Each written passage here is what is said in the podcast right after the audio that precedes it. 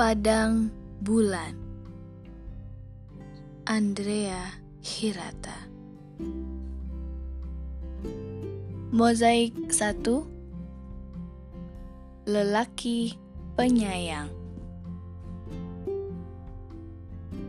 Syalimah gembira karena suaminya mengatakan akan memberinya hadiah kejutan. Syalimah tak tahan Ai, janganlah bersenda Pak Cik. Kita ini orang miskin. Orang miskin tak kenal kejutan. Mereka tersenyum. Kejutan-kejutan begitu kebiasaan orang kaya. Orang macam kita nih, saban hari terkejut. Datanglah ke pasar kalau Pak Cik tak percaya. Suaminya, Zamzani, tahu benar maksud istrinya harga-harga selalu membuat mereka terperanjat. Telah lama kau minta, kata Zamzani dengan lembut. Syalimah kian ingin tahu. Waktu mengantar Zamzani ke penggarangan dan menyampirkan bungkus rantang bekal makanan di setang sepeda, ia bertanya lagi. Zamzani tetap tak menjawab. Sudah bertahun-tahun kau inginkan, baru bisa kubelikan sekarang. Maaf. Zamzani meninggalkan pekarangan, namun ia kembali. Ia mengatakan ingin mengajak Syalimah melihat-lihat bendungan. Apa Yahnong takkan bekerja? Yahnong, singkatan untuk ayah bagi anak tertua mereka, Enong. Kebiasaan orang Melayu menyatakan sayang pada anak tertua dengan menggabungkan nama ayah dan nama anak tertua itu. Bendungan itu tak jauh dari rumah mereka. Dulu dipakai Belanda untuk membendung aliran anak-anak sungai Linggang agar kapal keruk dapat beroperasi. Sampai di sana, mereka hanya diam memandangi permukaan danau yang tenang. Tak berbicara, seperti mereka dulu sering bertemu di situ. Mereka pulang. Zamzani berangkat kerja dan Syalimah tak memikirkan kejutan itu.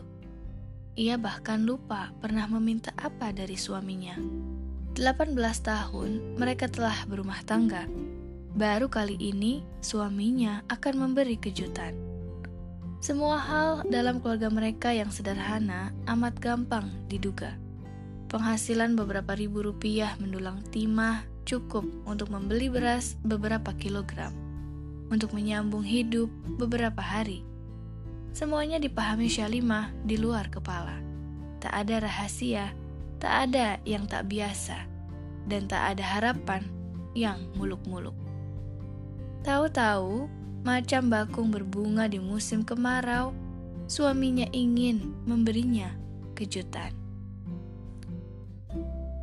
Syalimah dan Zamzani berjumpa waktu pengajian ketika mereka masih remaja. Zamzani yang pemalu, begitu pula Syalimah, menyimpan rasa suka diam-diam. Zamzani tak pernah berani mengatakan maksud hatinya, dan Syalimah takut menempatkan diri pada satu keadaan sehingga lelaki lugu itu dapat mendekatinya. Namun, lirikan curi-curi di tengah keramaian itu kian hari kian tak tertahankan. Zamzani mengurangi kecepatannya menambah Zeus mengaji. Padahal ia membaca Al-Quran lebih baik dari ia membaca huruf Latin.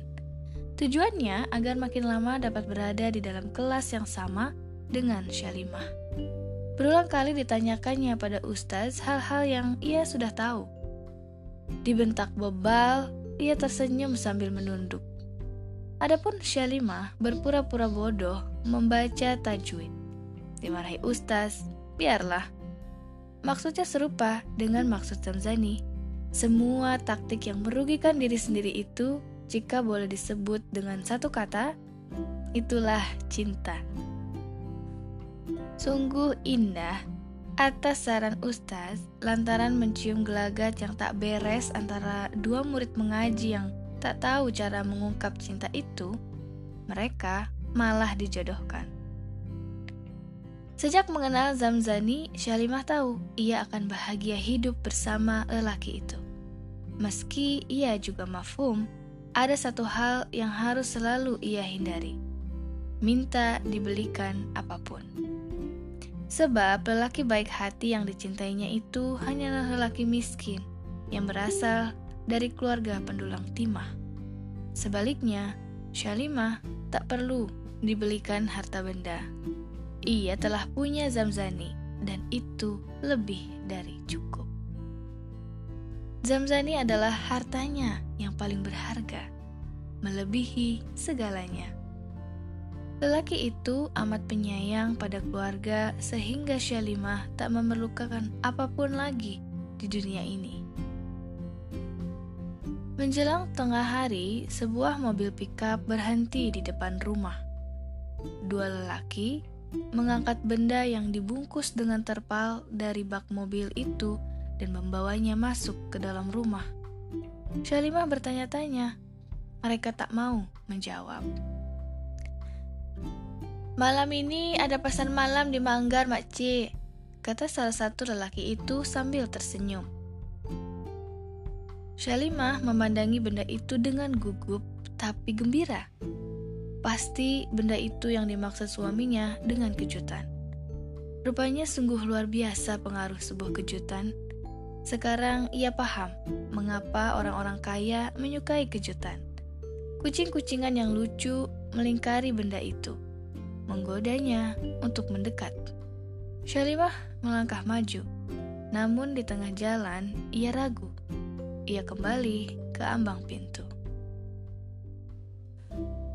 Syalimah menertawakan kelakuannya sendiri karena keranjingan menikmati sensasi sebuah kejutan. Lalu ia berpikir, kejutan itu tak sanggup ia atasi dan terlalu indah untuk ia nikmati sendiri. Ia akan menunggu Enong, putri tertuanya itu pulang dari sekolah. Mereka akan menikmati kejutan itu berdua tentu akan sangat menyenangkan. Namun, Shalima tak tahan untuk segera tahu apa yang dibelikan suaminya untuknya. Sedangkan Enong baru akan pulang sore nanti. Sesekali ia melongo ke arah benda misterius itu. Ia memberanikan diri dan melangkah pelan mendekatinya. Di depan benda itu, jantungnya berdebar-debar. Ia memejamkan mata dan menarik terpal. Ia membuka matanya dan terkejut tak kepalang melihat sesuatu berkilauan. Sepeda SIM King made in RRC. Syalimah terhenyak. Ia tak menyangka sepeda itu dihadiahkan Zamzani untuknya sebagai kejutan. Bukan hanya karena sepeda itu akan menjadi benda paling mahal di rumah mereka, melainkan karena ia memintanya hampir empat tahun silam. Itu pun sesungguhnya bukan meminta.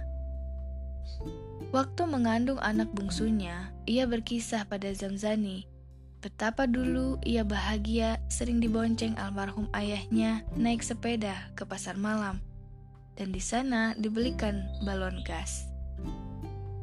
Kalau anak ini lahir, kata Shalima sambil bercanda, sepeda kita takkan cukup lagi untuk membonceng anak-anak ke pasar malam. Karena anak mereka akan menjadi empat, sedangkan mereka hanya punya dua sepeda reot. Syalimah tak dapat menahan air matanya. Ia terharu mengenang suaminya telah menyimpan percakapan itu selama bertahun-tahun dan memegangnya sebagai sebuah permintaan. Betapa baik hati lelaki itu. Lalu Syalimah terisak begitu ingat bahwa hari itu Sabtu dan malam nanti ada pasar malam di Manggar. Kini ia paham maksud lelaki yang mengantarkan sepeda itu. Suaminya pasti merencanakan berangkat sekeluarga naik sepeda ke pasar malam. Seperti dulu ayah Syalimah selalu memboncengnya naik sepeda ke pasar malam. Selanjutnya, Shalima hilir mudik di dapur menghitung bagaimana membagi anak-anaknya pada tiga sepeda. Sang ayah, satu-satunya lelaki di dalam keluarga, berarti yang paling kuat, akan membonceng keranjang pempang dan di dalamnya akan dimaksudkan si nomor dua, gadis kecil yang bongsor itu. Si nomor tiga yang cerewet akan dibonceng oleh kakaknya Enong dan si bungsu akan dibonceng ibu. Naik sepeda baru Sim King made in RRC. Hadiah kejutan itu. Tak terperikan bahagianya perjalanan ke pasar malam itu nanti. Meski telah menetapkan pengaturan pembagian sepeda, Syalimah berulang kali menghitungnya di dalam hati. Karena perhitungan itu menimbulkan perasaan indah dalam hatinya. Kemudian, Syalimah tak sabar menunggu suaminya pulang. Ia berdiri di ambang jendela, tak lepas memandangi langit yang mendung dan ujung jalan yang kosong. Ia ingin segera melihat suaminya berbelok di pertigaan di ujung jalan sana, pulang menuju rumah. Ia akan menyongsongnya di pekarangan dan mengatakan betapa indahnya sebuah kejutan. Ia mau mengatakan pula bahwa mulai saat itu mereka harus lebih sering memberi kejutan, karena kejutan ternyata indah.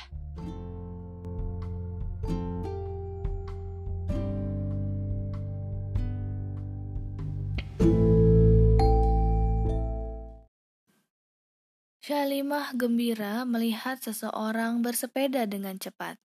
Jika orang itu, Sirun, telah pulang, pasti suaminya segera pula pulang. Namun, Sirun berbelok menuju rumah Syalimah dengan tergesa-gesa. Buruh kasar itu langsung masuk dan dengan gemetar mengatakan telah terjadi kecelakaan. Zamzani tertimbun tanah.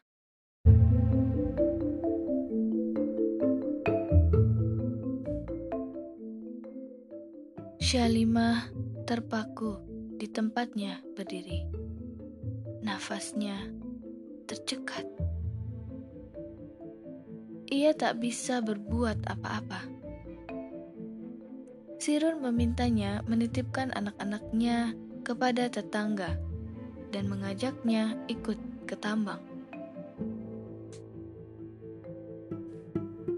Sampai di sana, Syalimah mendengar orang berteriak-teriak panik dan menggunakan alat apa saja untuk menggali tanah yang menimbun Zamzani. Para penambang yang tak punya cangkul menggali dengan tangannya secepat-cepatnya. Syalimah berlari dan bergabung dengan mereka yang menggali tanah dengan tangannya sambil tersedak-sedak memanggil-manggil suaminya. Keadaan menjadi semakin sulit karena hujan turun. Tanah yang menimbun Zamzani berubah menjadi lumpur. Para penambang berebut dengan waktu. Jika terlambat, Zamzani pasti tak tertolong. Dan Zamzani mulai memasuki saat-saat tak tertolong itu. Syalimah menggali seperti orang lupa diri sambil menangis, sampai berdarah ujung-ujung jarinya. Ia berdoa agar Zamzani tertimbun dalam keadaan tertungkup. Penambang yang tertimbun dalam keadaan telentang tak pernah dapat diselamatkan. Galian semakin dalam. Zamzani belum tampak juga. Tiba-tiba, Syalimah melihat sesuatu. Ia menjerit. Ini tangannya. Ini tangannya. Orang-orang menghambur ke arah tangan itu. Syalimah gemetar karena tangan yang menjulur itu terbuka. Suaminya telah tertimbun dalam keadaan terlentang. Para penambang cepat-cepat menarik Zamzani. Ketika berhasil ditarik, lelaki kurus itu tampak seperti tak bertulang. Tubuhnya telah patah. Pakaiannya compang-camping menyedihkan. Zamzani diam, tak bergerak. Semuanya telah terlambat. Salimah terseduh sedar. Ia bersimpuh di samping Zamzani yang telah mati. Ia mengangkat kepala suaminya ke atas pangkuannya. Kepala itu terkulai, seperti ingin bersandar. Syalimah membasuh wajah Zamzani dengan air hujan.